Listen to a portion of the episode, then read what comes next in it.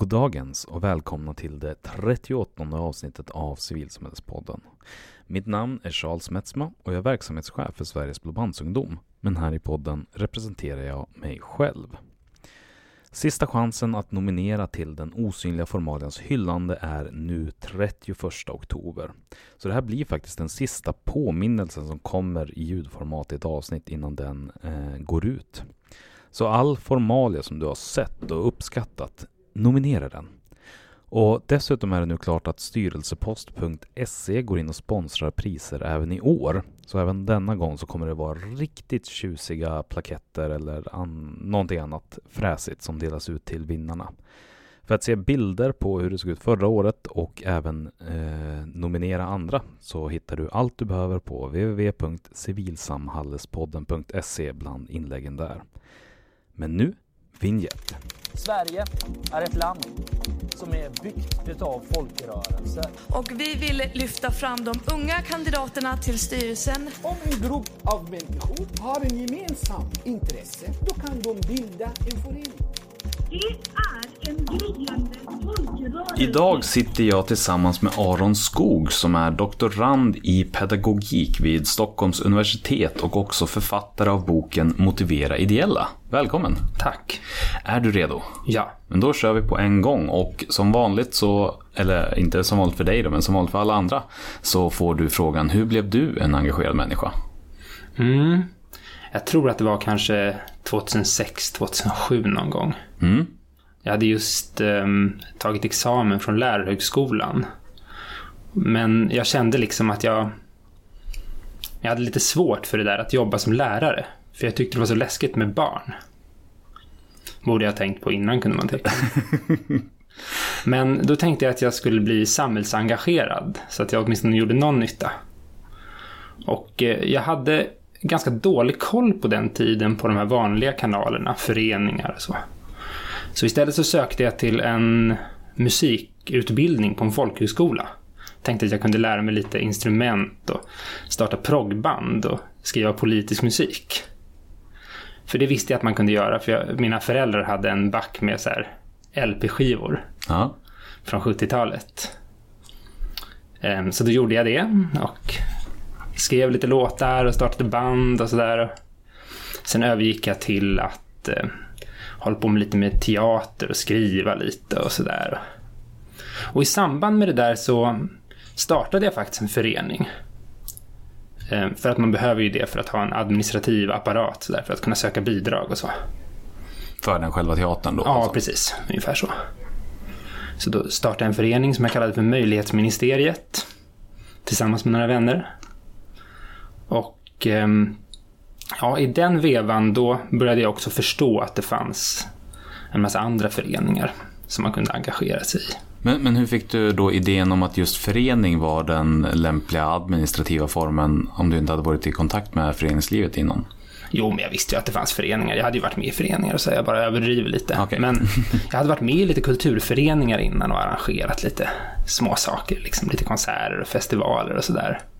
Men det var liksom, det var just i det här, samband med det här att jag startade den här föreningen då som, eh, som det blev eh, mera verkligt för mig liksom att här måste man ju ta ansvar och göra alla de här sakerna med styrelsemöten och årsmöten och sådär. Det blev liksom någonting större än den där administrativa enheten då? Mm, just det. Okej. Och hur tog det sig vidare sen därifrån då? Ja, men sen blev det väl egentligen att jag... Ja, men jag hade det här engagemanget framförallt i miljöfrågor och höll på med min musik och mina teatergrejer och sådär. Sen så gick jag någonting som hette trainee-programmet på Naturskyddsföreningen. Mm. Ehm, För att det var just de här miljöfrågorna som det handlade om. Och jag hade ju den här ingången att ja, jag vill använda kulturen för att ehm, skapa förändring och påverka människor och sådär. De flesta andra som eh, gick den här, kan man säga, praktiken eller vad man ska säga, eh, de var ju mer intresserade av miljöfrågorna, liksom. Mera egenskap av miljövetare eller biologer eller jurister eller något sånt där liksom. Och hur, vart, eh, vart tar vi steget då över till liksom forskarvärlden igen? Ja, nej men... ehm, Om man, om man säger forskarvärlden, jag vet inte. Ja, men det kan man säga. Ja. Akademin. Ja, jag är inte så bevandrad i, i liksom den akademiska världen så Nej. får rätta mig om jag använder fel titlar någonstans. Nej, men det är okej. Ehm, man får säga lite olika. Jo, men parallellt med att jag höll på med olika engagemang och jobbade som lärarvikarie så läste jag ett masterprogram på Stockholms universitet. Ett masterprogram i pedagogik. Eh, då var jag egentligen kanske mest intresserad av forskning om kreativitet. Så jag var väldigt mycket inne på det här kulturspåret. Samtidigt som jag var inne på miljöspåret. Men det var just kulturspåret och kreativitetsforskning som intresserade mig mest då. Så då tog jag i kontakt med en annan person som redan hade mm, disputerat inom ämnet kreativitet och frågade henne, hur blir man som du? Hur blir man en kreativitetsforskare? Eh, och då sa hon att du kan gå det här masterprogrammet. Och under det masterprogrammet, då började jag intressera mig mer för ideella organisationer och gjorde någon, jag gjorde en praktik på Naturskyddsföreningen efter jag hade gått den här trainee-programmet som det hette. Det är här någonstans i tiden som vi träffades första gången på Studiefrämjandets eh, nationella årsmöte va? Ja, just det. Precis. För då hade jag just skrivit den här masteruppsatsen, tror jag, Ehm, inom ramen för min praktik på Naturskyddsföreningen. Och där hade jag ehm, gjort intervjuer med lokala styrelseledamöter om att styra och leda lokala föreningar. Och så hade jag kommit fram till någon modell liksom och gjort lite analyser och sådär. Och de presenterade jag lite här och var, bland annat på Studiefrämjandet. Där jag också jobbade med ledarskapsutveckling samtidigt.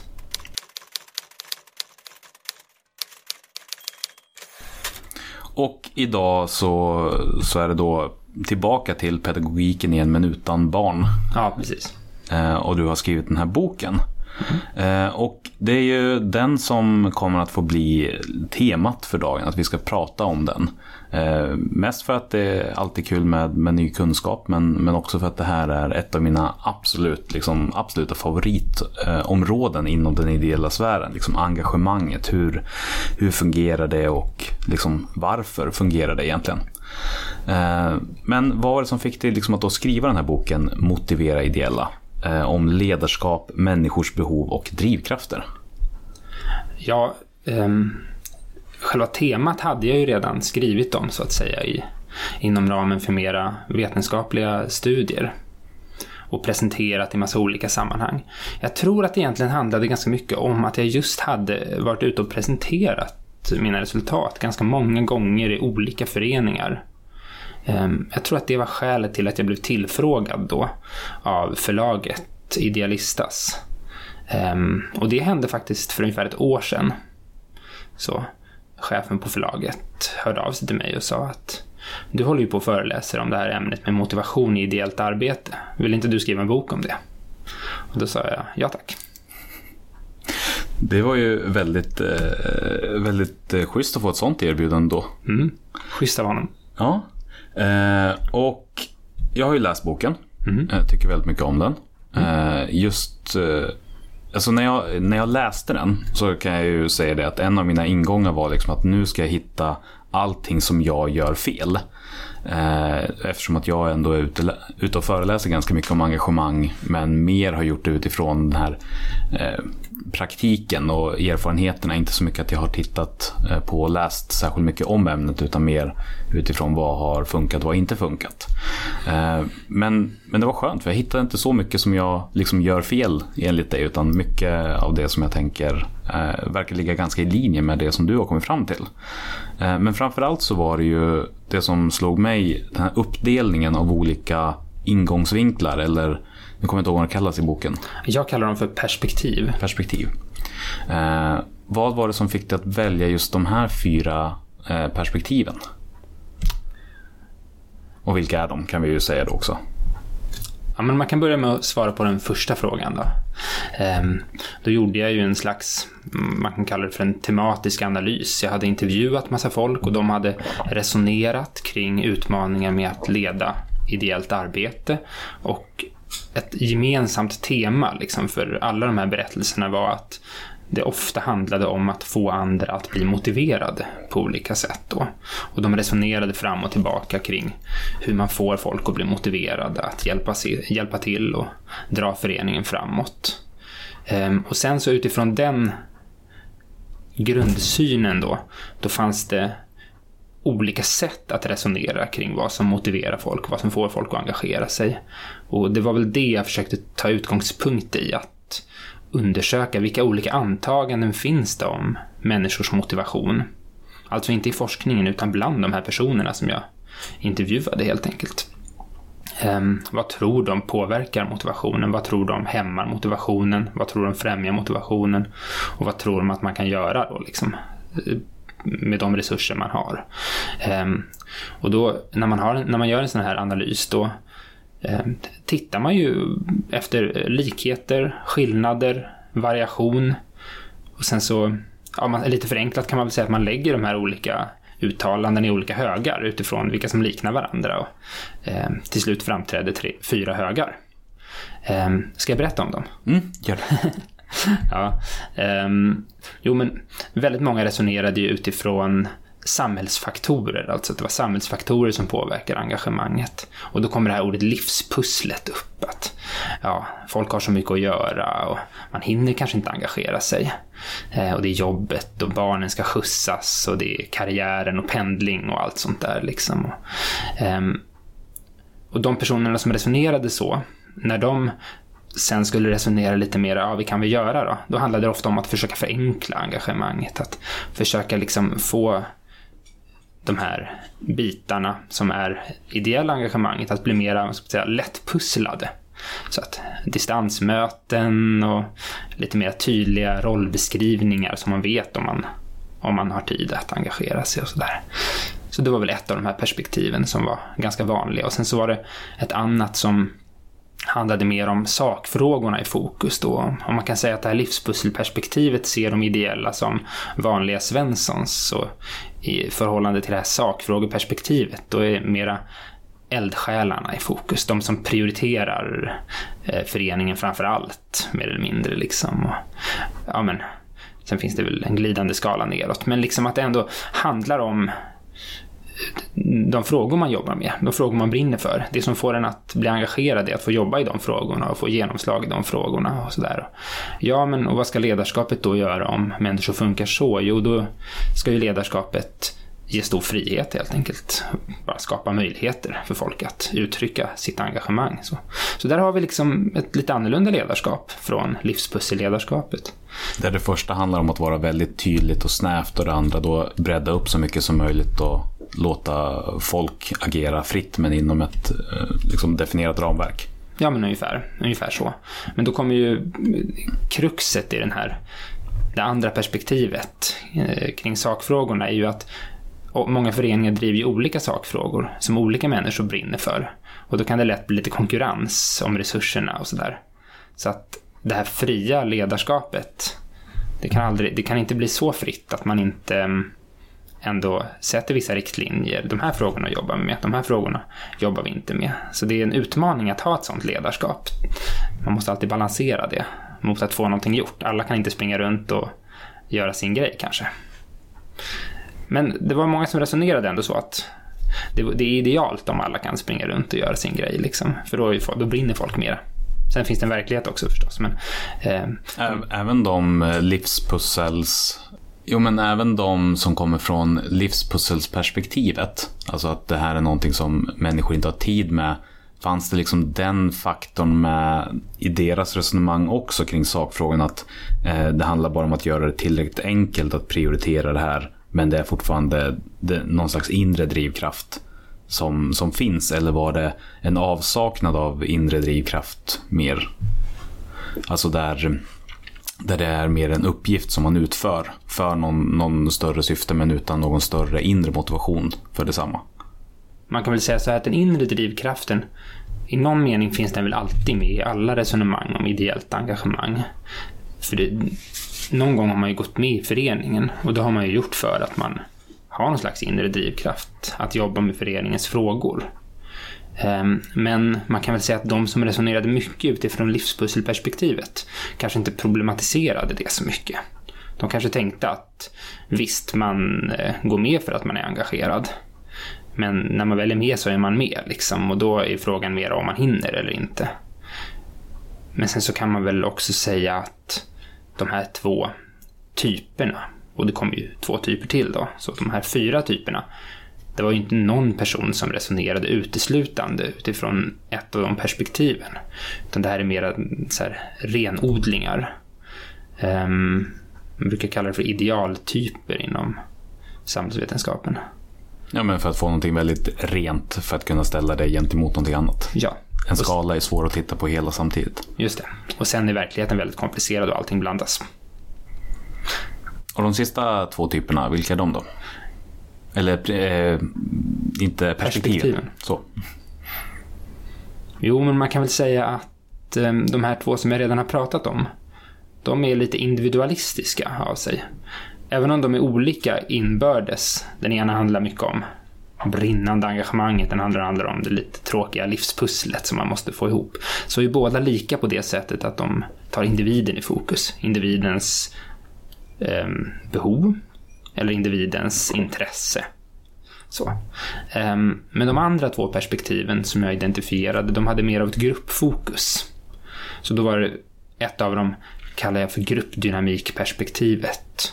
Och där är liksom utgångspunkten att människan framförallt är ett socialt djur som, som vill ha bra relationer med andra. Man har den här, ser den här flocken framför sig. Flocken på savannen om man ska tänka lite evolutionsbiologiskt. Där samhörigheten står över syftet nästan. Ja, nästan. Precis. Ja, precis. Och då blir ju det viktiga för engagemanget att man får vara med. Är man inte med i flocken så är man ju, så är man ju död. Det har vi ju med oss sen vi var på savannen. Men eh, redan, även idag när vi inte är på savannen så har vi fortfarande det där att vilja vara inkluderade. Det är superviktigt för vår motivation att göra saker. Sen kan man ju kanske bli väldigt motiverad på ett annat sätt om man inte är inkluderad. Att bli motiverad att bli inkluderad. Sådär. Men det är en annan sak. Det är lite olika typer av motivation det här. Ehm, det är mer en form av yttre motivation, att man är rädd. Ehm, man är, känner sig hotad. Ehm, och då kan man bli jättemotiverad att göra vissa saker. Men kanske inte att engagera sig ideellt. Eh, för då krävs den här liksom mera inre motivationen. Den här inre yttre, det blir en väldigt, väldig förenkling som man helst ska undvika, men jag använder den i min bok i alla fall för att, ja, man kan säga åt det inre hållet. Man kan ju se det som en skala. Väldigt yttre motivation, det är bara att man är rädd eller vill ha någon direkt belöning. Bara åt det inre håll, det är lite mer att det är en lek bara. Och sen så finns det olika gradskillnader emellan. Men när jag pratar om inre motivation, då pratar jag om liksom åt det hållet liksom. Där det mer handlar om att det är roligt liksom. Och för att ha roligt och känna en glöd och ett engagemang i en förening så är det enligt många viktigt att man har en bra grupp. Eh, och då har ju det där två olika aspekter. Dels att det är en grupp där man känner sig trygg, där det är bra relationer, där man känner att man tycker om varandra egentligen. så. Man kanske är lite mera vänner än man är kollegor. Liksom. Eller man kan tycka om sina kollegor förstås, men att det är det här personliga, eh, eh, personliga relationerna. Men sen finns det andra sidan. Det är ju mer det här att gruppen är välstrukturerad. Att man har tydliga mål och gemensamma regler och gemensamma arbetssätt och god struktur. Och så, så här, båda de där sidorna finns liksom i det här gruppdynamikperspektivet som jag identifierade. Och då blir ledarskapets uppgift då att se till att det blir så. För det kommer inte själv organisera sig så nödvändigtvis. Det vet man ju att många grupper är inte så. Eh, men då kan man ju tänka som ledare att ja, men nu ska vi skaffa, eh, skapa goda relationer här. Vi lyssnar på varandra, ser varandra, bekräftar varandra, men också en bra struktur. Så där. Har tydliga mötesregler och så. Eh, så det är ytterligare ett perspektiv. Mm. Och sen det sista då? Precis. Beslutsprocessperspektivet kallade jag det för. Och det är den här idén om att demokratin är viktig för motivationen. En klassisk sån här folkrörelseidé att vi ska ha ett, en demokratisk organisation. Ehm, för det är bra på många sätt. Men ur det här engagemangsperspektivet så är det bra för att det gör att folk blir engagerade, blir motiverade. För de får vara med och bestämma. Och inte bara över sina egna arbetsuppgifter, som i sakfrågeperspektivet, utan mer överlag. Man får vara med och fatta beslut om vad organisationen ska göra. Det är ju jättehäftigt. Det kan skapa en starkt driv, starkt engagemang enligt de här som jag har pratat med. Precis, och inte bara den formella rätten genom medlemskap och rösträtten utan också den reella möjligheten att, att faktiskt vara med och känna att det man gör påverkar. Ja, exakt. Det räcker kanske inte med att man har de här strukturerna på plats utan eh, det vet man ju att ibland kan de här strukturerna som är, som är skapade för att ge folk en röst göra att folk känner att nej men det här går ju inte, det tar ju för lång tid, det är ju för segt liksom. Det är ju för mycket krångel. Och sen finns det ju de här informella maktojämlikheterna. Olika sådana här sociala hierarkier som finns verksamma i samhället kring ålder och kön och etnicitet och allt möjligt liksom. Ehm, och de finns ju i föreningslivet också naturligtvis. Eh, så det är en massa olika, eh, finns en massa olika hot mot det här medbestämmandet. Liksom. Och de som resonerade utifrån det perspektivet ehm, de menade att ja, men det är det här vi ska jobba med. Liksom. Vi ska försöka skapa de här samtalen och arenorna för åsiktsutbyte och se till att alla får göra sin röst hörd och så. Så det, det var ett av de perspektiven då, som också är lite mer kollektivistiskt, lite mer grupporienterat. Så här landar vi alltså med fyra olika perspektiv. Två som är lite mer individualistiska, två som är lite mer kollektivistiska. Um, och sen även om man ska fortsätta jämföra perspektiven lite så kan man säga att det är två av dem som är mera frihetliga. Och två av dem som är lite mera strukturerade, lite mer ramar. Och då har vi ju det här livspusselperspektivet och um, gruppdynamikperspektivet. Båda de har ju den här idén om att ledarskapet ska styra lite mera, hålla lite mer ordning och reda, för det är bra för folks motivation. Och det kan man ju känna igen sig i. Det är ju skönt när det är ordning och reda. Det blir tydligt. Eh, men om man har de här andra två perspektiven, sakfrågeperspektivet och beslutsprocessperspektivet, där handlar det lite mer om frihet. Att folk ska få vara med och bestämma och göra vad de vill och sådär. Och det, det stärker ju också motivationen. Så att eh, alla de här perspektiven handlar liksom om olika sätt att försöka stärka eh, de ideellas motivation så att de ska vilja engagera sig mer. Mm. Jag tänker att vi kan gå tillbaka till liksom att jämföra dem lite mer sinsemellan. Men jag har bara tagit några eh, anteckningar under tiden när jag läste boken.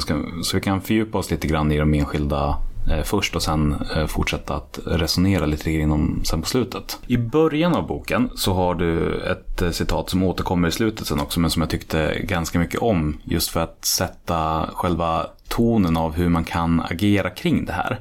Alltså just, man kan inte hindra regnet från att falla men man kan skaffa ett paraply. Vill du utveckla liksom vad, du, vad du tänker kring det hela? Mm. Jo, men man kan väl säga så här att eh, ideellt engagemang och motivation, det påverkas av en massa olika faktorer. Vissa kan organisationen inte göra någonting åt.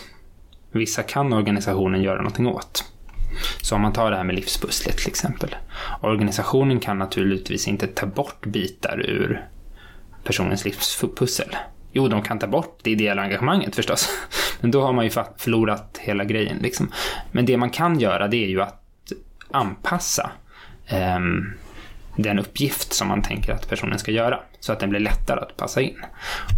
Och samma sak med ehm, ehm, med de andra perspektiven, med gruppdynamiken. Jag menar, man kan inte ta bort konflikter sådär. Eller man kan inte så förebygga så att det aldrig blir någon konflikt eller så att det aldrig blir dålig struktur. Men man kan ju göra vissa saker, man kan vidta vissa åtgärder för att han, så att man är beredd på de här problemen när de kommer. Ehm, och ja, det går att tillämpa på alla de här perspektiven. Att man kan se till vad går att göra här? Vad kan vi faktiskt använda oss av för verktyg? Hur kan ledarskapet bli ett verktyg? Och då handlar det just om sådana här konkreta saker. Mm. Och det är paraplyet då. Precis.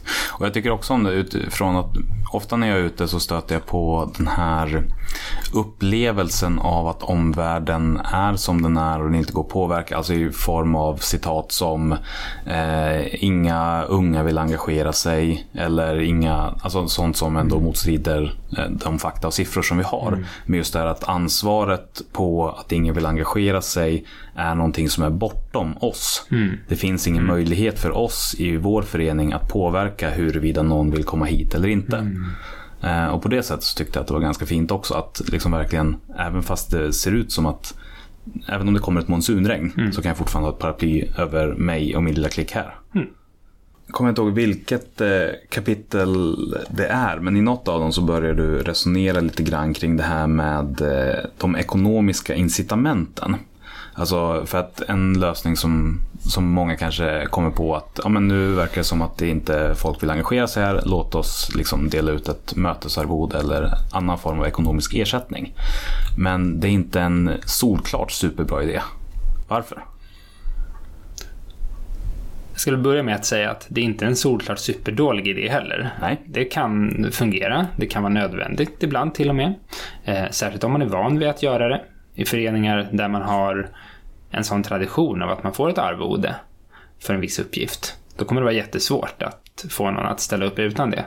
Och där så finner vi nog också problemet med det här systemet. När du väl har infört en, ett incitament som är ekonomiskt eller på annat sätt väldigt tydligt materiellt och man vet på förhand att man kommer få det.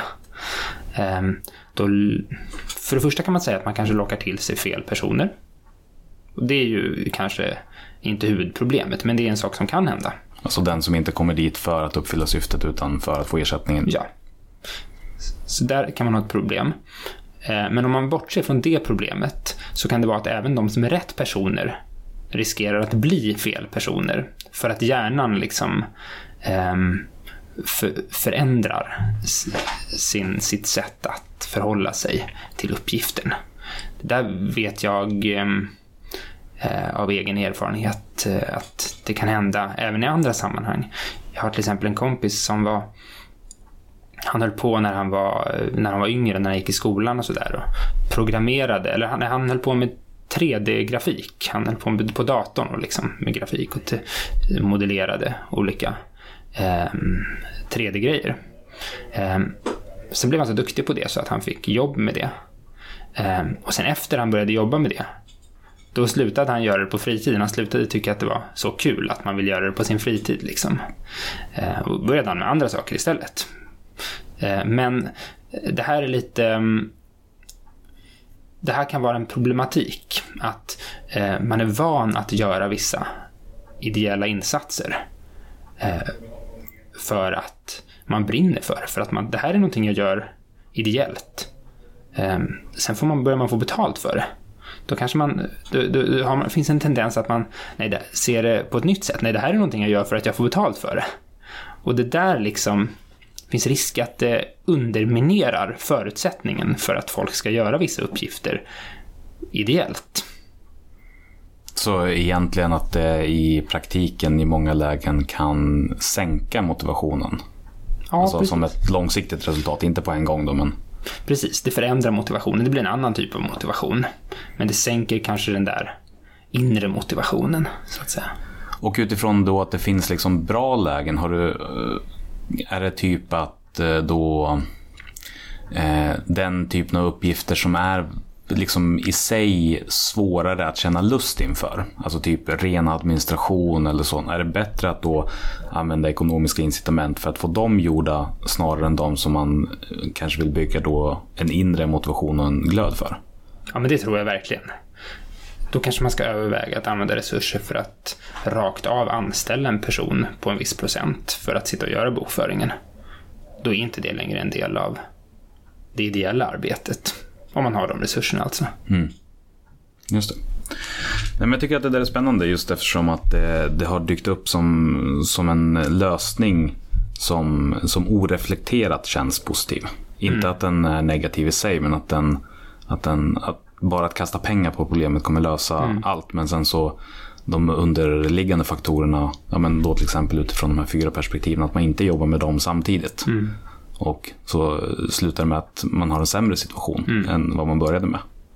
Just det. En sak som jag som inte liksom uttryckligen pratas så mycket om, eh, eller som du inte skriver så mycket om i boken, men som jag känner liksom ligger lite grann över och som ett genomgående tema precis mellan raderna ganska ofta är ju det här med språkbruket. Alltså att eh, hur sättet som, som kommunikation sker, alltså hur det påverkar. För att även om perspektiven, de beskriver ju mer eh, situationer utifrån hur de är. Eh, Men, men på vilket sätt påverkar språkbruket vilket perspektiv du hamnar i eller på vilket sätt du ser världen? Men det här är jätteintressant tycker jag, att du tar upp det på det här sättet. För jag skulle säga att det naturligtvis är en, en dubbelverkande process. Um, när du är i ett visst perspektiv, du resonerar utifrån vissa utgångspunkter. Alla andra runt omkring dig resonerar också utifrån de utgångspunkterna. Och det finns den här konformismen, där eh, man vill gärna tänka lika som de andra runt omkring för man kanske är osäker. Eller av andra skäl. Det finns en stark kultur liksom. Då finns det ju också ett starkt språkbruk med vissa antaganden och vissa sätt att resonera. Som att ja, men unga engagerar sig inte nu för tiden eller liknande. Ehm, och då kan man väl säga att i sig självt så har ett, var och, vart och ett av de här perspektiven ett liksom givet språkbruk, ett givet ehm, uppsättning antaganden som liksom blir självbekräftande om det, om det perspektivet får vara oemotsagt eller om det är liksom det enda perspektivet. Lyckligtvis så ser det ju inte ut så på de flesta ställen liksom, utan oftast så är det ju, finns det olika perspektiv som um, ställs emot varandra i, en, i ett samtal. Um, och då blir det ju också ett mycket mer nyanserat språkbruk eftersom man blir utmanad i sina föreställningar och sina sätt att tänka och sina antaganden. Ja, jag tänker också att den typen av valda sanningar får ju sin utmaning om man läser boken just eftersom att det finns de här reflektionsfrågorna löpande i texten också. Och verktygen som, som på något sätt ändå är till för att bryta upp de här enfärgade glasögonen som liksom målar upp världen på ett visst sätt. Mm. Men som jag nämnde tidigare så liksom läste jag den här boken på ett sätt genom att leta efter fel. Och jag, och jag hittade inte så många liksom fel i, i min teoretiska värld och hur jag pratar om det här när, när jag förklarar för andra hur de ska göra det. Men sen så började jag testa lite av de här reflektionsfrågorna på mig själv och så insåg jag att men, bara för att jag har det med mig i, i, i liksom teorin så, så agerar jag inte alltid på det sättet. Och eh, liksom fick en väldigt sån här plötslig uppenbarelse att ja, men vi, vi har min lokala spelförening eh, hemma i Hallstahammar, Shadowplayers. Där så håller vi nu på att jobba fram en ny hemsida. Eh, vi delade ut uppdraget bara rakt av fixa en ny hemsida. Pratade inte så mycket om strukturen eller vad som kunde bli av det hela. Eh, styrelseledamot som fick det kom tillbaka och sa nu har jag börjat bygga. Eh, och sen så kände jag att men det här blev inte riktigt som, som jag hade tänkt. Eh, och min respons i det läget var ju då att så här, ja, men vi tar och sätter oss och så liksom berättar jag hur det ska vara. Eh, och liksom, när jag satt och läste boken så insåg jag plötsligt att jag är ju galen. Det här borde vi förstås diskutera i hela styrelsen istället. För att uppenbarligen så var uppdraget då för otydligt för personen. Men det betyder inte att det som jag tycker är det som är rätt. Utan det är någonting vi borde diskutera tillsammans. Eh, och det var speciellt då när jag läste det här eh, beslutsprocesskapitlet. Just att men vad, vad lätt det ändå är att, att ramla ner i ett agerande som, som blir bekvämt. Eh, eller känns och upplevs effektivt, upplevs effektivt men som inte liksom, leder så mycket framåt långsiktigt. Och då är min fråga egentligen, var det liksom, är det, var det det som var tanken och liksom, träffade du mig i beslutsprocesskapitlet? Jo, men det där var ju ett exempel på beslutsprocesserna på mm, en väldigt vardaglig nivå. Det där ligger ju ganska långt ifrån årsmötet och man ska rösta och representation och sådär. Utan det där är ju mera demokratin i vardagen som är en av de aspekterna som jag tar upp i det kapitlet. Och ja, men som du säger, det är ju väldigt lätt att någon person hamnar i att den bestämmer allt eller bestämmer saker eller liksom tar ansvar. Och det är ju lite grann arbetsdelning. Det är ju normal arbetsdelning. Det är klart att det är lättare om en person har ansvar för att bestämma vissa saker. Då. Ehm, men som jag skriver i boken då, så det är ju bekvämt och folk kan gilla det, att det är någon annan som bestämmer. så länge den personen bestämmer rätt. Så länge de inte blir missnöjda. Ehm, men när man sen börjar bli missnöjd, när man oj, ehm, den här personen bestämde ju helt galna saker här. Um, och då kan man tycka, ja då borde de väl skylla sig själva då.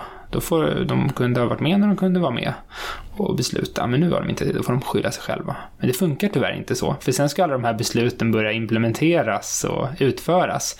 Och då kommer det bli värsta motståndet. Om man känner att man inte tycker om ett beslut, då kommer man inte alls dra lika starkt framåt i den riktningen än om man hade fått vara med och fatta beslut. Och där är man i ett otacksamt läge som ordförande eller chef eller vad det nu är. För folk vill inte vara med och fatta beslut. De vill att du ska bestämma själv. Men eh, sen när du bestämmer fel, då kommer de vända sig emot dig. Så därför så kanske man måste dra i folk lite grann.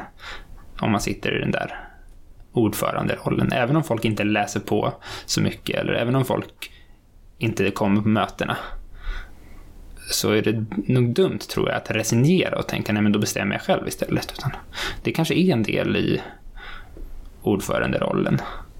Ja men verkligen, för annars så kommer det ju på sikt skapa en situation där, där väldigt mycket blir uppknutet kring en eller tvåtal personer som sen då, som du skriver, inte i längden orkar och så uppstår ett väldigt stort vakuum när den personen slutligen då inte eh, klarar av det mer. Inte känner att nej, men nu är det för stort, det här uppdraget. Och då blir det ett väldigt stort tomrum som lämnas efter. Då men, blir det jobbigt för alla. Ja, men jag tänker också en annan aspekt ur det är ju också att det eh, allt eftersom att den utvecklingen sker så blir det också svårare för någon annan att tänka sig att det där skulle kunna vara ett uppdrag som jag gör. Eh, just eftersom att den blir mer och mer avskräckande i sin storlek med tiden. Det blir ju så att ju längre en person har så att säga ägt ett uppdrag och utformat det, utvecklat det, Eh, så smälter det mer och mer samman med den personen. Och det kan kännas väldigt otillgängligt att ta över den rollen då. För då måste man ju mer eller mindre bli den personen. Och det kanske man inte kan. Eller så kan man det. Man kanske gärna skulle bli den personen, man kanske ser upp till den personen, men man kanske inte alls tror att man skulle kunna bli det. Så det kan bli prestationsångest där liksom. Ehm, så det är nog livsfarligt och jag inbillar mig att det, den där situationen finns i väldigt många föreningar. Eh, särskilt mindre föreningar kanske, där det inte är så stor konkurrens om de här styrelseposterna. Men för att motverka det där så handlar det väl om att eh, ha en medveten strategi kring att rotera uppdrag och försöka vara väldigt transparent kring vad uppdragen innebär och diskutera det. Men, men eh, vad, vart lämnar det då till exempel initiativ som, är det Aftonbladet som kör Svenska eldsjälsgalan eller något sånt? Nej, det, de kör Svenska hjältar och en av de priserna är Årets eldsjäl. Alltså upp, eh, upphyllandet av den här ensamma personen som, som bär och liksom gör väldigt mycket. Och jag upplever också generellt sett att det finns ganska mycket liksom hyllande av den som engagerar sig nästan på ett destruktivt sätt för den egna personen. Vart lämnar det oss? Liksom att, att det ändå finns den upplevelsen av att det här är någonting eftersträvansvärt samtidigt som det då uppenbarligen sällan leder någonstans bra på längre sikt. Ja, det är väl en spänning som finns i vår, vår kultur helt enkelt. Det tror jag inte vi kommer ifrån. Vi behöver ju de där eldsjälarna som brinner för saker och tar på sig alldeles för mycket. Föreningarna behöver ju dem. Det är ju en kraft vi måste ha. Vi kan ju inte... Mm, föreningslivet skulle inte klara sig annars. Det är ju en utopi att vi skulle hela tiden rotera uppdrag och alla var lika engagerade hela tiden. Det tror jag inte kommer hända. Eh, men bara för att det inte kommer hända så är det ju inte någonting vi inte kan sträva efter. Ehm, så jag tror att vi ska vara glada för de här eh, riktigt brinnande eldsjälarna. Ehm, men vi måste hitta sätt att eh, undvika de här destruktiva utfallen som finns. Vi måste vara vaksamma. Och då utifrån individperspektivet ändå låta den som har den känslan att få liksom eh, då blomma ut på det sättet. Men samtidigt ta in så att det blir hållbart för dels för individen men också för organisationen på längre sikt. Precis, jag kunde inte ha sagt det bättre um, och på tal om liksom just det där med, med energi. I, I livspusselkapitlet så, så är det mycket liksom just det här med att tid, att det hindrar engagemang men just begreppet energi kommer inte upp så mycket. Och jag kan ofta uppleva att liksom mer relevant än huruvida tid finns är om det finns energi. Gjorde du någon medveten liksom avvägning varför det blev just tid snarare än energi eller eller, eller fanns liksom energi inte med i kalkylen från vad folk berättade? Man kan väl säga så att energin finns ju hela tiden. Energin finns ju i alla kapitlen. Um, någonstans så kommer ju energin ifrån. Om inte annat för att man har gått med i föreningen på grund av att man är intresserad av frågorna.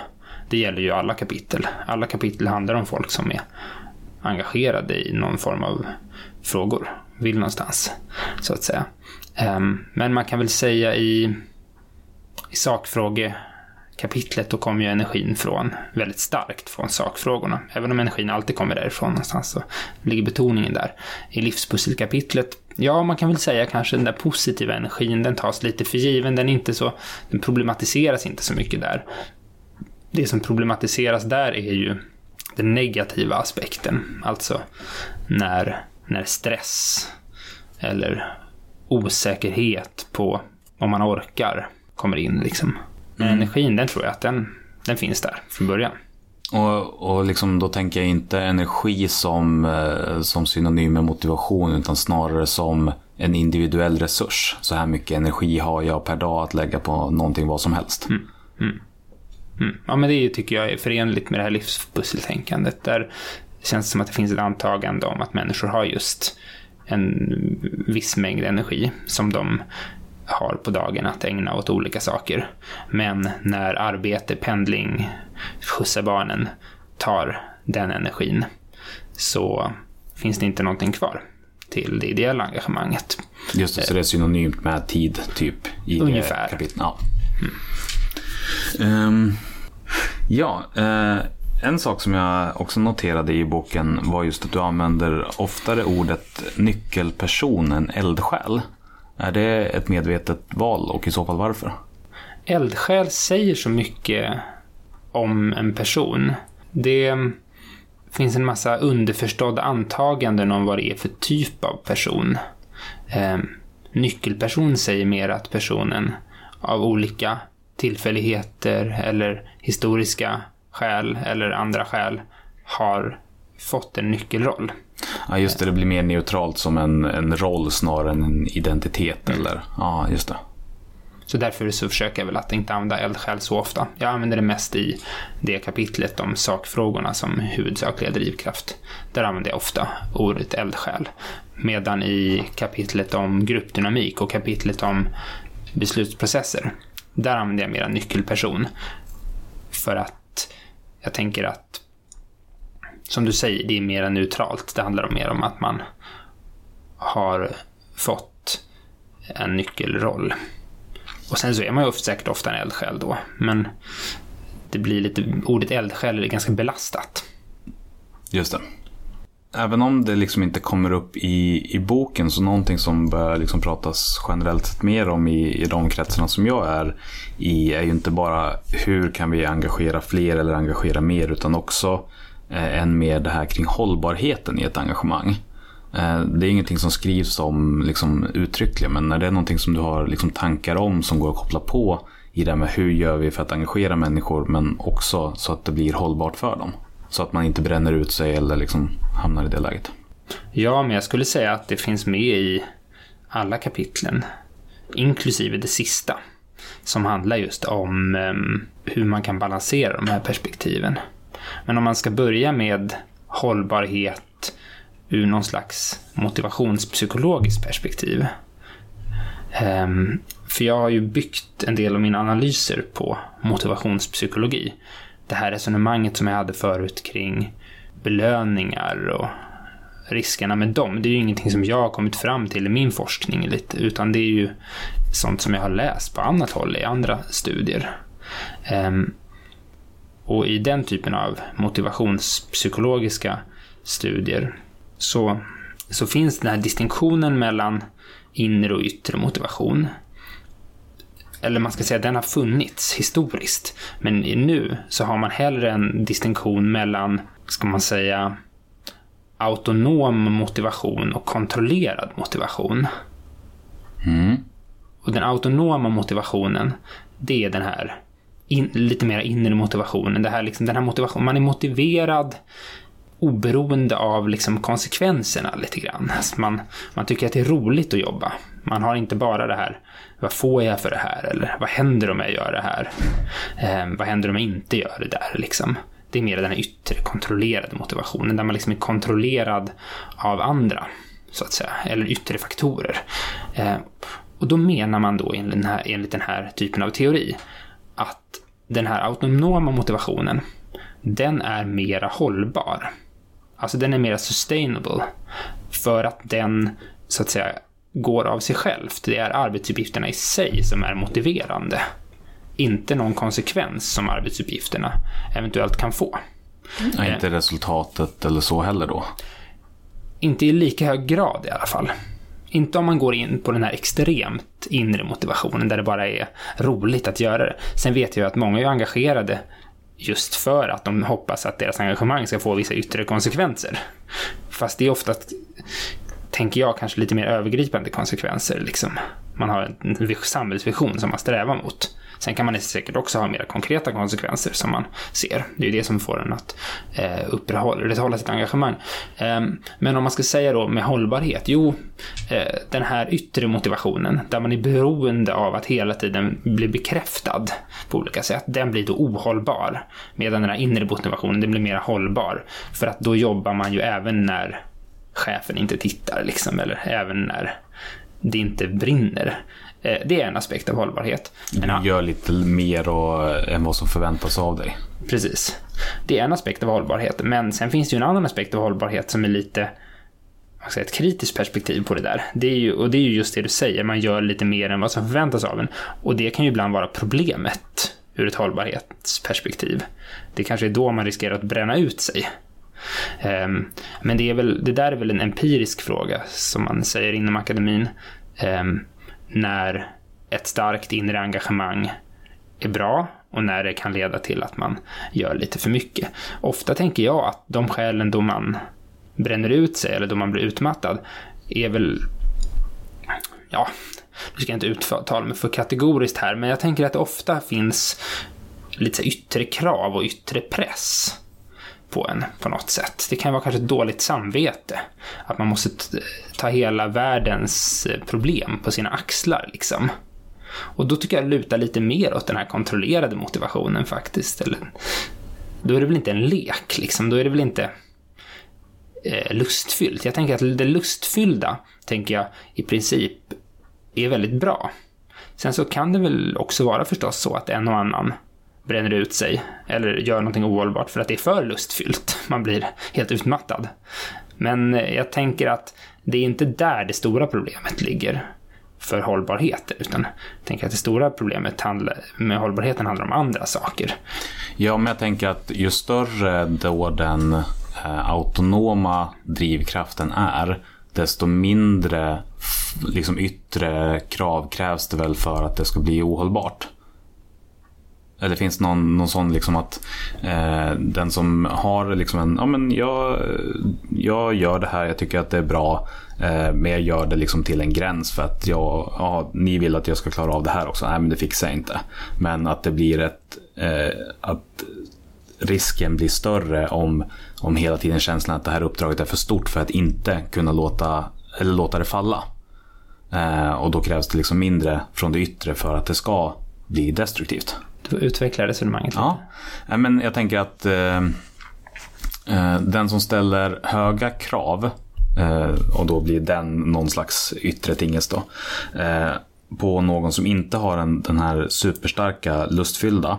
Den kommer då eh, den mottagaren kommer då säga att så här, ja men så här mycket klarar jag men det här fixar jag inte. Men den som har en extremt stark liksom, drivkraft som känner att ingenting kan släppas. Eh, det finns, allting är för viktigt för att inte göras. Och då krävs det mycket mindre i form av yttre, gör det här också, för att det ska bli ohållbart. Ja, det låter ju som det du resonerar kring är att man blir helt överlastad. Det blir för många olika saker liksom. Ja, men inte bara det, utan att det liksom helt enkelt då... Eh, Att, att just kombinationen av att inte släppa någonting. Eh, Att, att ingenting är... Allting är så viktigt att det inte får falla. Och att det i det läget, eh, alltså med den väldigt starka lustfyllda eh, drivkraften som, som i sig är liksom ganska ren och fin och någonting positivt. Att den också blir sårbarare. Eller mer sårbar. Just det, nu ser jag framför mig lite vad du menar för en person. Du kanske Ja. menar, det låter som att du menar en, den här eh, lite one man show eh, men eldsjälen kanske, Ja. Mm. som, som inte kan lämna ifrån sig saker eller som eh, kanske inte har riktigt tillit till att någon kan ta över den här uppgiften utan jag vet hur den ska göras och det är varje detalj är viktigt att det blir precis som jag tänker mig. Ja men typ.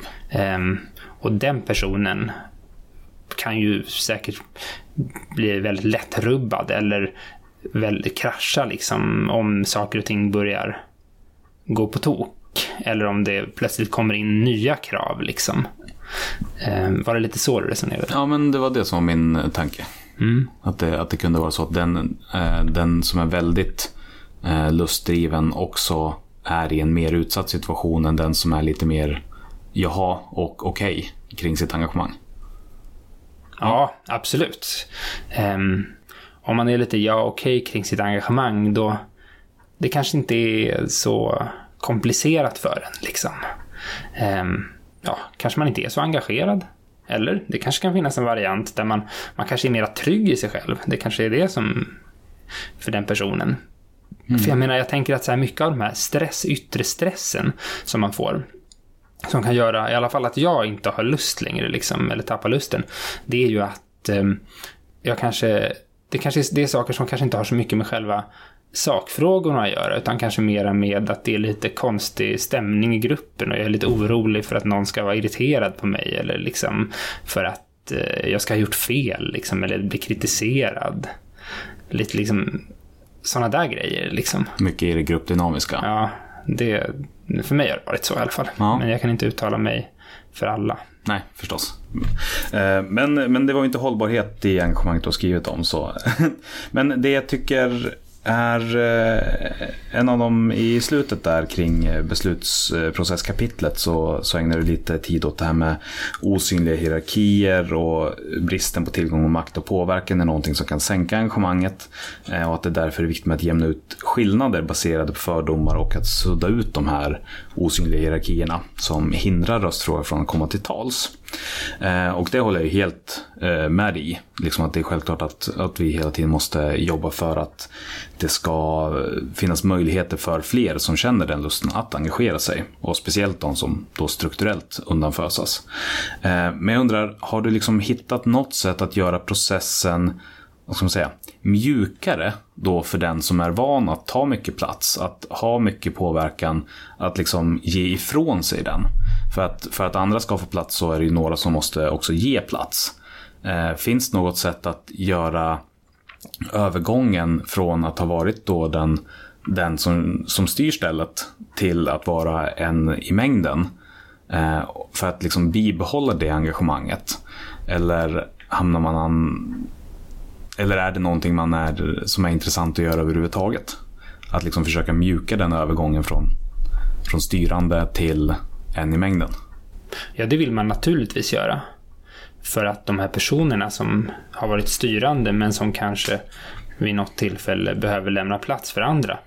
De är ju säkert i andra avseenden fantastiska resurser eftersom de har varit styrande och i bästa fall i alla fall är väldigt kunniga inom området och väldigt erfarna. Så det är ju så det vore ju hemskt och sorgligt och man skulle tappa dem bara för att man vill förverkliga andra människors möjligheter. Ehm, och då gäller det väl förstås att bara visa uppskattning, alltså visa hur, hur viktiga de här personerna är och hur, hur mycket man vill dra nytta av, av deras kunskaper och erfarenheter. Ehm, samtidigt som, som man vänligt men bestämt säger att nu behöver andra komma fram också. Ja, jag har ingen universallösning på hur man gör det, men, men jag tror att det gäller att vara vaksam på sig själv eh, så att man inte stöter bort folk. Att ha det i åtanke, det är väl liksom en princip. Eh, okej, det här är en bromskloss, men det kanske också är en person som vi behöver, inte minst när, när föreningarna kanske inte har alla roller tillsatta. Då får man försöka fundera på, ah, men vad skulle den här personen kunna ha för roll? Där den eh, kan få utlopp för, för sitt engagemang och eh, sina kompetenser och sina erfarenheter. Men utan att vara den här bromsklossen. Just det. Och, och där har ju jag någon slags, eh, jag vet inte om man kallar det för teori eller tes, men en hemmasnickrad tanke i alla fall. Liksom just det här kring att de flesta engagerade går igenom flera olika faser. Och generellt sett så brukar det vara att först så är du väldigt hungrig och sugen på nästan vad som helst. Sen så blir du trygg, eh, förstår sammanhanget och kan klara av att utföra din uppgift på ett bra sätt. Och sen så börjar du sakta men säkert stagnera och eh, är mer av ett hinder än vad du är en, en kraft framåt. Eh, och att sen det här också är någonting då som nollställs om du byter sammanhang ofta. Eh, går till en annan förening. Eh, men och det är också någonting som kan ta väldigt olika tid för olika människor liksom, när man befinner sig i de här faserna. Eh, vad, vad, tror du om det? alltså, har du sett något, nu har du inte tittat på det, men finns det eh, något, något du kan göra för att stödja eller motsäga det? Nej, men det låter väl eh, troligt att det är så. Det är ju en eh, någon slags livscykel nästan, fast lite mindre cykel. Men en variant på en livscykel liksom. Och jag har inte studerat så longitudinellt liksom. Eller jag har inte intervjuat människor om deras livsberättelser långsiktigt så i sitt engagemang. Mm. Men eh, det låter som en intressant teori att testa. Mm. ja, den, den dök upp nu. Jag hade inte mm. skrivit upp det, men, mm. men jag tänkte att när du ändå har tittat så kanske du har dykt på någonting av det. Um... Jag ska se om jag kanske kan säga någonting ändå. Men jag har ju en del folk som jag intervjuat som har sagt att saker som, ja men i början hade jag väldigt mycket eh, idéer och eh, brann väldigt mycket. Men allt eftersom har engagemanget utvecklats och det har blivit mera måsten. Det vi måste göra, liksom. Det har blivit mera krav. Sådär. Och då kan man ju tänka sig att det är kontexten som har förändrats. Eller att någonting har förändrats i föreningen. Men utifrån din teori så skulle det kunna betyda också att det har förändrats någonting inne i den här personen. Den ser måsten nu. Den ser inte möjligheter på det sättet som den gjorde förut. Så det är ju oerhört intressant. Mm. Det skulle vara jätteintressant att undersöka vad som är liksom en faktisk förändring av verksamheten och situationen. Och vad som är mera en upplevelse, en tolkning. Och det jag tänker bara kopplat till den här idén om att Ehm, ingen vill engagera sig längre. Vilket då ju i någon bemärkelse inte stämmer eftersom vi har, vad säger de, ett oförändrat engagemang sedan mitten av 90-talet liksom. Men ehm, det skulle ju, din teori skulle ju kunna förklara varför en hel del personer ändå tycker att det går, det blir så motigt. Ja, det kanske är att de har kommit in i den fasen där de mest ser det negativa. Just det. Att när du började, om, om du skulle till exempel arrangera en föreläsning så såg du först att eh, jag erbjuder människor möjligheten till kunskap. Eh, men sen sakta ser du då måstet av att ställa fram stolar. Mm. Mm. Absolut. Att det, att det är en fråga om perspektiv också. Mm. Ja. Jag jobbar mycket med sådana saker. Så. Ja, men precis. Perspektiv är viktigt. Och det skulle vara mycket naturligare, eller mycket rimligare förklaring än att det är någonting som bara händer. Att det är perspektivet som förändras och därigenom så förändras också engagemanget. Det är i alla fall, en, det är i alla fall ett perspektiv kan man säga. Sen kan det väl vara båda situationerna samtidigt. De kan korsbefrukta varandra. Jag menar, är du en sån som är så negativ och ja, men det är ingen som vill engagera sig i min förening och går omkring med den attityden, hur många kommer vilja engagera sig i föreningen då? Man skapar ju bilden av en plats som inte är attraktiv. Verkligen. Det vet jag själv. De perioder jag har varit ordförande i föreningar och varit eh, engagerad och velat saker och drivit saker. Då har ju folk eh, kommit och slutit upp och varit med. Men de gånger som jag har varit så trött trött och negativ och inte tyckt om mig själv och ja, det här går inte, vad jobbigt. Då, då blir ju andra det runt omkring en och då för, droppar ju folk av istället. Mm. Ja, men det, det, är en sån sak som jag brukar stöta på ofta, att men engagemang föder engagemang. Mm. Just det, och det, det går ju nästan att applicera oavsett vilket perspektiv du tittar på utifrån de du har tittat på. Just mm. det att, att den rena, det rena engagemanget ändå ger engagemang tillbaka. Mm. Vilket också skulle kunna förklara varför så pass många föreningar har funnits så pass länge utan eh, en konkret teori kring hur ska vi lägga upp vårt arbete. Mm. Uh, och jag tänker att det, det är väl också någon, en sån reflektion som jag fick när, jag, när jag liksom väl läste den här. För att det jobbiga med kunskap är att när, när jag väl har fått den då blir jag ju inte av med den. Och då kommer jag ju se världen annorlunda. Så att nu så kommer jag ju behöva reflektera utifrån eh, min roll som ledare i de sammanhang det är. Eh, liksom utifrån att tillgodose de här olika perspektiven beroende på vilken individ jag har framför mig. Eh, men det ställer det är ganska eftersom att det är så pass komplext så ställer det ganska höga krav. Eh, på vil, finns det någon sån här, ja, det finns ju inga genvägar, men finns det någon Finns det något snabbt sätt att liksom ändå hantera det här? För att om man ska tillgodose alla fullt ut så är det ju precis som du innan resonerade på, det finns ju väldigt mycket motsättningar i de här fyra olika. Att jobbar du väldigt mycket med en så negligerar du någon annan eller motverkar till och med. Ja, men där kan man väl inte göra annat än att försöka. Det värsta är ju om man slutar försöka för att det är för svårt. Och jag hoppas inte läsningen av den här boken leder dit. Nej, det har den verkligen inte gjort. Utan tvärtom så, så skulle jag säga att den har gett mig väldigt mycket inspiration och eh, liksom kraft att kunna titta på Vissa av de här eh, perspektiven har ju legat mig mycket närmare. Eh, och vilket också gör att jag reflekterar mer utifrån den världen. Så nu kan jag ju snarare närma mig människor som inte liksom befinner sig i samma perspektiv som jag själv gör på ett eh, bättre sätt. Precis på samma sätt som det var första gången jag gjorde något sånt här personlighetstest. Eh, det intressanta var ju inte att få reda på vilken bokstavskombination tycker det här testet att jag är, utan snarare vilka andra perspektiv ser människovärlden på. Och på vilket sätt kan det göra att jag närmar mig dem utifrån deras förståelse av världen. Vad glad jag är att du ser det så, för det är precis så jag har tänkt mig. Ja, vad Nej, men jag har väl tänkt mig att jag ska argumentera väldigt starkt utifrån var och en av de här renodlade perspektiven.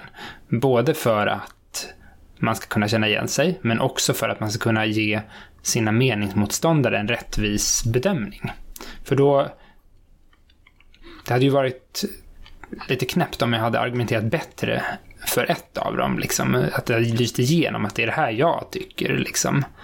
Utan idén är ju att de ska verka ungefär lika trovärdiga vart och ett. För då är det precis som du säger, om man känner igen någon så här lite knäpp typ som hela tiden kommer med massa konstiga förslag. Om man känner igen den personen i ett av perspektiven, då kan man ju läsa det och se att ja, men det här var inte så dumt ändå. Liksom. Det där var ju rätt smart. Jaha, han eller hon kanske tänker så här.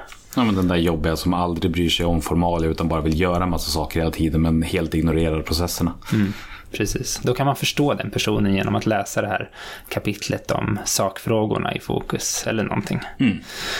Um, men sen tänker jag också kring din fråga där mm, att det blir lite komplext liksom att man kan när man ser hela komplexiteten i världen så kan man bli lite matt nästan. Hur ska jag kunna tillfredsställa alla de här behoven, alla de här viljorna.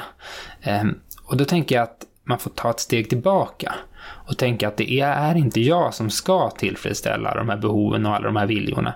Ehm, om man har uppfattat boken som eh, ett verktyg som en person ensam kan använda på sin piedestal och eh, dirigera med ehm, som en manual för den optimala ledaren, då har man missuppfattat det. För hela idén är ju att eh, olika människor har olika erfarenheter. Och det har de oberoende av den här boken. Eh, och det är tillsammans som de här personerna kan eh, utveckla någonting. Nej men eh, vad heter det, under tiden när vi pratade så, så, så kände jag också att det eh, dels förändrade sig men dels att jag formulerade mig lite dåligt. För det var inte, liksom, det, jag tar inte med mig beställningen utan snarare just det här möjligheten att se andra perspektiv och att det egentligen gör saker mindre jobbigt. Snarare mer jobbigt. Just det. Ja, nej men och det är ju det som är tanken. Eh, men, ja, precis. Och då tänker jag lite grann på, på det som du faktiskt skrev här precis i slutet mot boken. Att, eh, att försöka balansera motsägelser och lösa dilemman är ingen one man show. Utan något som ni behöver göra tillsammans. Ehm, genom att låta många människors perspektiv vara med och forma er arbetssätt i föreningen kan dessa arbetssätt bli mer anpassade till verklighetens komplexitet. Det är en övermäktig uppgift för ett ensamt geni att utveckla det optimala arbetssättet som fungerar för alla och överallt, men fullt möjligt för en grupp medelmåttor att genom en dynamisk process utveckla och vidareutveckla arbetssätt som fungerar för just dem. Och ja, det är väl på något sätt det som kanske man ska ta med sig. Ja, jag tror det. Jag tror att det är jätteviktigt med just det här att ta utgångspunkt i att alla har olika erfarenheter eh, men att det är just de erfarenheterna som kan göra att vi kan komma till en större bild. Det är väldigt svårt för en person ensam att ta in alla de här olika idéerna och sen så mergea ihop dem till en så här gör vi nu en masterplan liksom. Utan jag tror att det måste vara en dynamisk process helt enkelt där vi hela tiden eh, delar idéer och på något sätt eh, aldrig kommer till någon slutgiltig konsensus men hela tiden ändå strävar efter att komma dit. Så det finns någon sorts inbyggd ofullständighet. Det kommer aldrig att bli det här konfliktfria. Men om vi hela tiden jobbar med att försöka skapa den här gemensamma bilden så, har, så har vi liksom ett projekt som gör att vi kan komma framåt.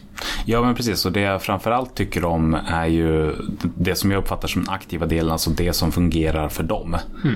Alltså att det hela tiden inte bara är någonting som måste förhandlas fram och tillbaka, men också att det inte handlar om att hitta den perfekta lösningen för någon slags allmän verklighet, utan vad funkar för oss här just nu. Eh, just eftersom att det också är en verklighet där människor byts ut. Mm. Plötsligt är det någon engagerad som inte har lika mycket tid eller så kommer det in någon annan för man har precis haft årsmöte och liksom då det som fungerade nyss kanske är det sämsta någonsin plötsligt. Just det, en viktig lärdom. eh, ja, och för att liksom uppnå den biten i i det absolut sista skedet av boken så ägnar du lite liksom, tid kring det här med det goda samtalet. Och vad, vad som skillnaden är på en debatt och ett samtal. Och jag tänker att det har lite bäring på det här just också då. Ja, jag gör ju den här uppdelningen i olika typer av grupper eller olika typer av samtal. Det är ju den här klassiska, eller jag vet inte vad som är klassiskt, men det är någonting som jag har kommit i kontakt med ganska ofta. Att man pratar om debatten, eller diskussionen, eller dialogen och skillnaderna mellan dem. Liksom. Sen har jag den auktoritära gruppen som ytterligare ett steg Eh, och det, då, då i auktoritära gruppen där är det bara en person som bestämmer, eller några få som alltid bestämmer. Liksom. Det kan vara användbart i vissa sammanhang, om det är tidspress eller om det är en som uppenbarligen är expert på området. Men man missar ju en hel del, man får inte hela bilden, alltså man går miste om värdefull information från de som inte blir hörda. Sen har man debatten, det är ju lite mer det här konkurrensinriktade samtalet någon ska vinna. Ja, man försöker liksom vinna. Man försöker rula motståndaren liksom. Um, och det är ju, ja, flera perspektiv kommer upp, men det slutar ändå med ett perspektiv som vinner, så att säga. Sen har man diskussionen, den är lite liknande, man försvarar sina ståndpunkter, fast kanske på ett lite mer renhårigt sätt. Man har ändå en ambition att lära av varandra, men man är fortfarande i sina ståndpunkter är, man är fast där. Liksom. Det bygger på det. Man ska försvara sina ståndpunkter. Det är som i akademin, när vi har skrivit en avhandling, då ska vi försvara den. Liksom. Det ska komma någon och kritisera den och vi ska försvara den liksom, och visa att vi kan svara på svåra frågor. Det är en som en diskussion. Men dialogen då, det är ju det här samtalet um, där vi strävar efter att uppnå en gemensam förståelse. Inte nödvändigtvis en som liknar min ståndpunkt mer än motståndarens. Utan vi, man liksom ger upp lite grann sin individualitet um, i samtalet. Sen gäller det att kunna behålla den, alltså behålla sin position, inte försvinna iväg liksom. Men att eh, på något sätt så ser vi samtalet mer som ett lärande än som en tävling. Ehm, och det finns ju många som har kritiserat det här perspektivet för att jag menar, säga att dialoger finns inte liksom på det sättet, utan vi är alltid i våra ståndpunkter någonstans. Det handlar bara om hur ärliga vi är med det. Alltså, man skulle kunna säga att kan människan verkligen stiga ut ur sina förutsättningar? Det kan uppfattas som naivt. Och jag tror också att det är naivt om man skulle kunna tro att, om man skulle tro att det var möjligt att bli helt befriad från sig själv och bara gå upp i i en gemenskap som är helt öppen för allting. Liksom, det är klart att det kommer alltid finnas intressemotsättningar och konflikter. En ren kaosartad intellektualism. Ja. Intellektualismen. Ja, precis. Det är några utomjordingar kanske som skulle kunna vara där. Ja. Liksom. Men, ehm, men jag tror ändå att även om det är omöjligt att uppnå det tillståndet totalt ehm, så tror jag att ehm, att sträva efter det är inte fel. Alltså, utan jag tror att strävar vi efter det kommer vi i alla fall närmare än om vi ger upp det och tänker att alla bara konkurrerar med varandra och försöker vinna över varandra som någon slags debatt. Jag tycker att det är sorgligt om vi skulle resignera och hamna där. Liksom. Jag tror vi får ha höga mål och ambitioner och höga ideal. Det tycker jag vi ska fortsätta ha. Och helt enkelt då använda den metoden för att eh, läsa den här boken. Eh, först för att vara lite mer neutral i, i sin dialog med boken men sen också ta den och prata med sina föreningskamrater. Och jag som har läst den tycker att den är Eh, precis lika relevant för den som verkar på förbundsnivå och funderar på hur ska vi få våra gräsrötter att röra på sig. Eh, eller då spoilern att hur ska vi... Eh, att, att det liksom inte är någonting som riktigt går att trycka på någon annan på det sättet. Men hur ska vi jobba med engagemang på en förbundsnivå? Och att den också är lika relevant till, till den som har en liten förening på sju personer och vill titta på hur kan vi göra det här så kul tillsammans som möjligt. Så det, tack för läsningen eh, och för att du har kommit hit och pratat om den som så. Är det någonting som jag har missat att fråga om som du känner att men det här vill jag lägga till? Jag tycker din reflektion där precis nu i slutet var värdefull. Inte bara det att du sa att alla kan läsa den här boken och det är bra reklam. Utan det som du sa kring... Ehm, det jag tyckte var viktigt, det var det du sa om att Ja, det är klart att det är väldigt svårt att trycka på en metod eller att trycka på ett, en motivation på någon. Det blir lite paradoxalt med hela min titel, Motivera ideella. Det är ju egentligen en motsägelse utifrån den här idén om att vi söker efter den här inre motivationen. Att motivera någon, det är ju väldigt kopplat till piskan och moroten. Det här som vi ser som den yttre motivationen. Vi har ett incitament eller en bonus eller någonting. Eller vi, ja, det kan ju hända i ideellt arbete att man är, vill ha någonting för egen del. Man kanske vill ha någonting i CV, att man vill att det ska stå att man har haft en viss position. Eller det kan också hända att man har de här piskorna på sig för att man har en ordförande som är så demonisk och alla är rädda för den personen. Jag menar att du jobbar, på, du jobbar inte med skalan lön eller inte lön men skam eller beröm. Ja, det är också det är lika mycket yttre motivation. Ehm, det är att motivera då. Men så därför, och det är ju inte det vi letar efter. Det är ju inte det som genomsyrar boken, att det är så vi ska motivera. Så därför blir ju att motivera ideella något av en paradox. Ehm, en självmotsägelse. Men ehm, det jag menar med det är ju att skapa förutsättningar för att folk ska kunna motivera sig själva. Just det, och hjälpa varandra eh, att, att hitta och stärka sig i sitt engagemang. Precis, hjälpa varandra. Och där har det formella ledarskapet en roll, inte alls oviktig. Men som jag också beskriver i boken är ju att ledarskap är någonting som inte en ensam person gör, utan alla i föreningen kan utöva ledarskap. Det informella ledarskapet är ofta lika viktigt som det formella ledarskapet. Ehm, sen så ska man inte använda det som ursäkt för att säga att det formella ledarskapet inte ska behöva göra vissa grejer för att ehm, de har ögonen på sig. Och jag tänker som du säger på förbundsnivå. Då kan man ju också bli lite uppgiven kanske och tänka att när man läser boken att ja, men det här verkar vara en personlighetsfråga. Är vi duktiga på att att uppmuntra initiativ? Eller är de på lokal nivå duktiga på att uppmuntra initiativ, på att få folk att känna sig trygga, ge trygga ramar, ge frihet, ha en bra, bra relationer? Är de duktiga på det? Ja, det låter ju lite som en personlighetsfråga. Vissa är duktiga på det, vissa är inte det. Men då gäller det att hitta strategier. Hur skapar vi förutsättningar för att flera ledare på lokal nivå ska kunna bli så här, ska kunna bli goda motivationsledare. Mm. Och det är ju någonting som jag inte uttryckligen tar upp i boken, utan boken bygger väldigt mycket från början på det här att vi är tillsammans med personer. Hur motiverar vi dem då? Eller hur skapar vi motivation? Men det är ju väldigt intressant eh, att fundera kring. Hur skapar, vi för, hur skapar vi förutsättningar för att andra ska bli bra på att skapa förutsättningar? För att folk ska bli motiverade. Precis. Och jag tänker att den eh, titeln i sig blir ju bara paradoxal om du läser den som det här är en manual för att motivera ideella. Eh, den blir inte paradoxal om du har perspektivet vad är det egentligen som motiverar ideella Alltså, och genom att jag har den kunskapen så kan jag motivera andra. För att då kan jag bygga förutsättningarna för det. Bra sammanfattat.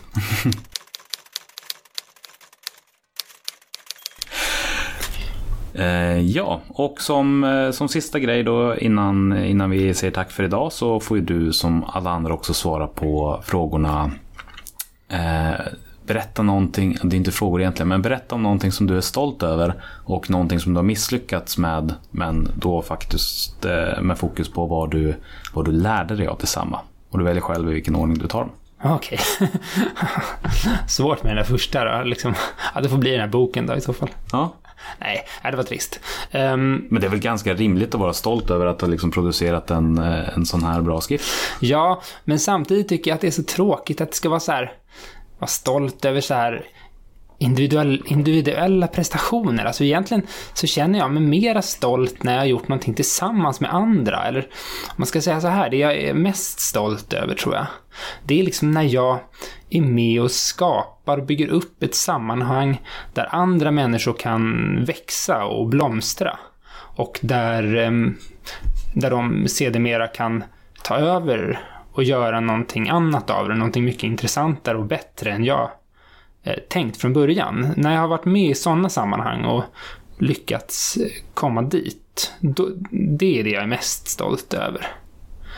Det är väl inte som att jag dagligen håller på att skapa sådana sammanhang, men jag har ändå gjort det några gånger. Det var när jag höll på med eh, musik och teater som jag berättade om i början av samtalet. Eh, Det skulle nog kunna vara ett sådant exempel. Där ehm, jag startade band och skapade någon musikteaterföreställning. Där jag liksom... Jag såg något värde i att inkludera väldigt många människor liksom, för jag tyckte det var roligt att se folks idéer komma fram och jag ville gärna liksom lämna väldigt fritt för att jag tänkte nog eh, att folk skulle bli mer motiverade då. För att de eh, kunde känna att här kan man ta ut svängarna och uttrycka sig och kanske göra saker som man inte trodde att man kunde. Och det hör ju till saken att jag också under den perioden gjorde mycket saker som jag inte trodde att jag kunde, utmanade mig själv och sådär. Och det tror jag kan ha inspirerat andra också. Eh, sedermera så togs den här föreningen över av andra, eller andra började driva den i en annan riktning som jag hade tänkt mig. Eller en annan riktning än jag hade tänkt mig. Och nu så är den någon slags ehm, faktureringstjänst för kulturarbetare så att människor ska slippa starta egna företag. Ehm, så det, den har ju så att säga, den fyller lite samma syfte som den gjorde när vi startade den, just det här att möjliggöra att göra kultur.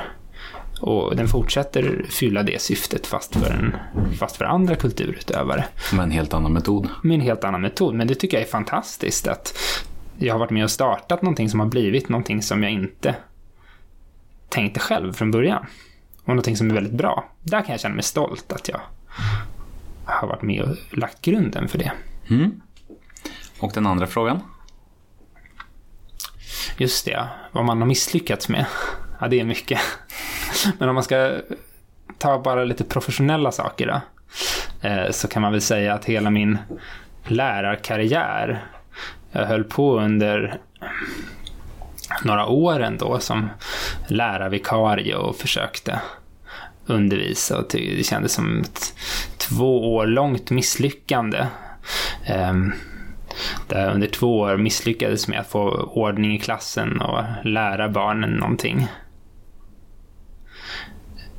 Men samtidigt hade du liksom, eh, jag tänker nu är du ändå tillbaka i pedagogiken. De erfarenheterna där måste väl ändå varit väldigt värdefulla. I, både i arbetet med boken men generellt övrigt också. Ja, det får man väl säga. Jag kan skulle vilja säga att jag har väl lärt mig flera saker av den perioden. De kan verka lite motsägelsefulla här. Men för det första har jag väl lärt mig någon slags ödmjukhet. Att saker och ting kan vara väldigt svårt ibland. Saker och ting löser sig inte alltid bara man liksom anstränger sig lite, utan det kan, det kan gå flera år utan att det löser sig. Och det ger någon slags... Ehm, ja, det ger någon slags ödmjukhet. Kanske när man ser andra också som inte verkar prestera så bra som man tycker att de borde. Att ha fått vara med om det, om det själv. Ehm, och sen det andra som jag lärde mig, ja det var väl det du var inne på lite grann. Um, ja, men jag har lärt mig att uh, ja, men det här med eh, studenterna eller barnen, liksom, man har blivit lite tuffare. Liksom, man blev ändå lite bättre på att strukturera. Man blev ändå lite bättre på att um, föreläsa.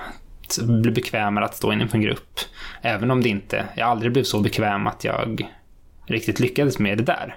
Så kanske jag har tagit det till en ny nivå i de sammanhangen jag undervisar nu. Ja, men där, det, det är en spännande utmaning som inte jag knäckt heller. Liksom.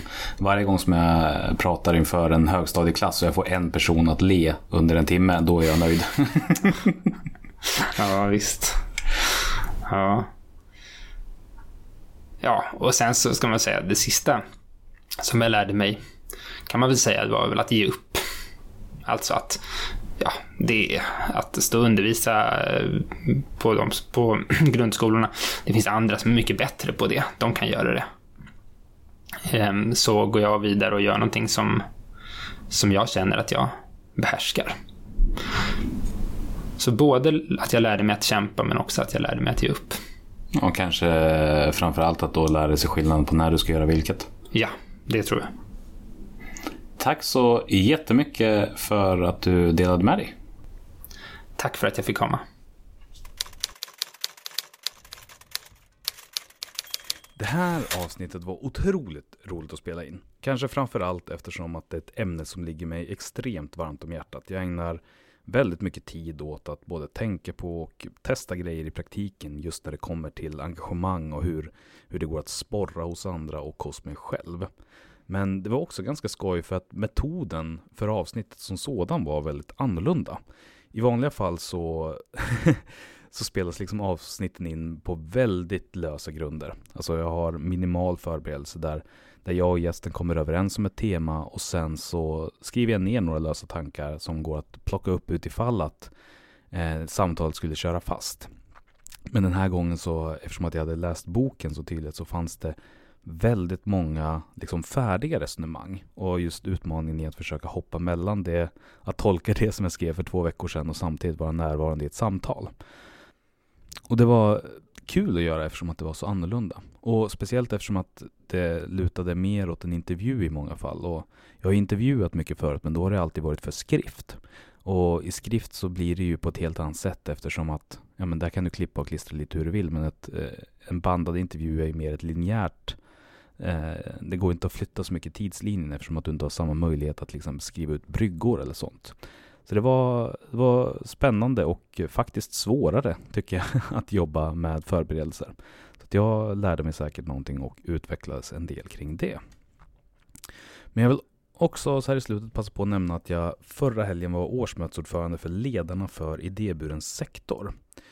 Eh, och det var extra kul av egentligen två olika skäl. Eh, för det första så var det väldigt spännande att då få leda den här samlingen av superexperter. För att det blev liksom verkligen ett supereffektivt eh, och pragmatiskt och ett fantastiskt möte på många sätt eftersom att samtliga deltagare var på en sån väldigt hög nivå vad gäller årsmöten.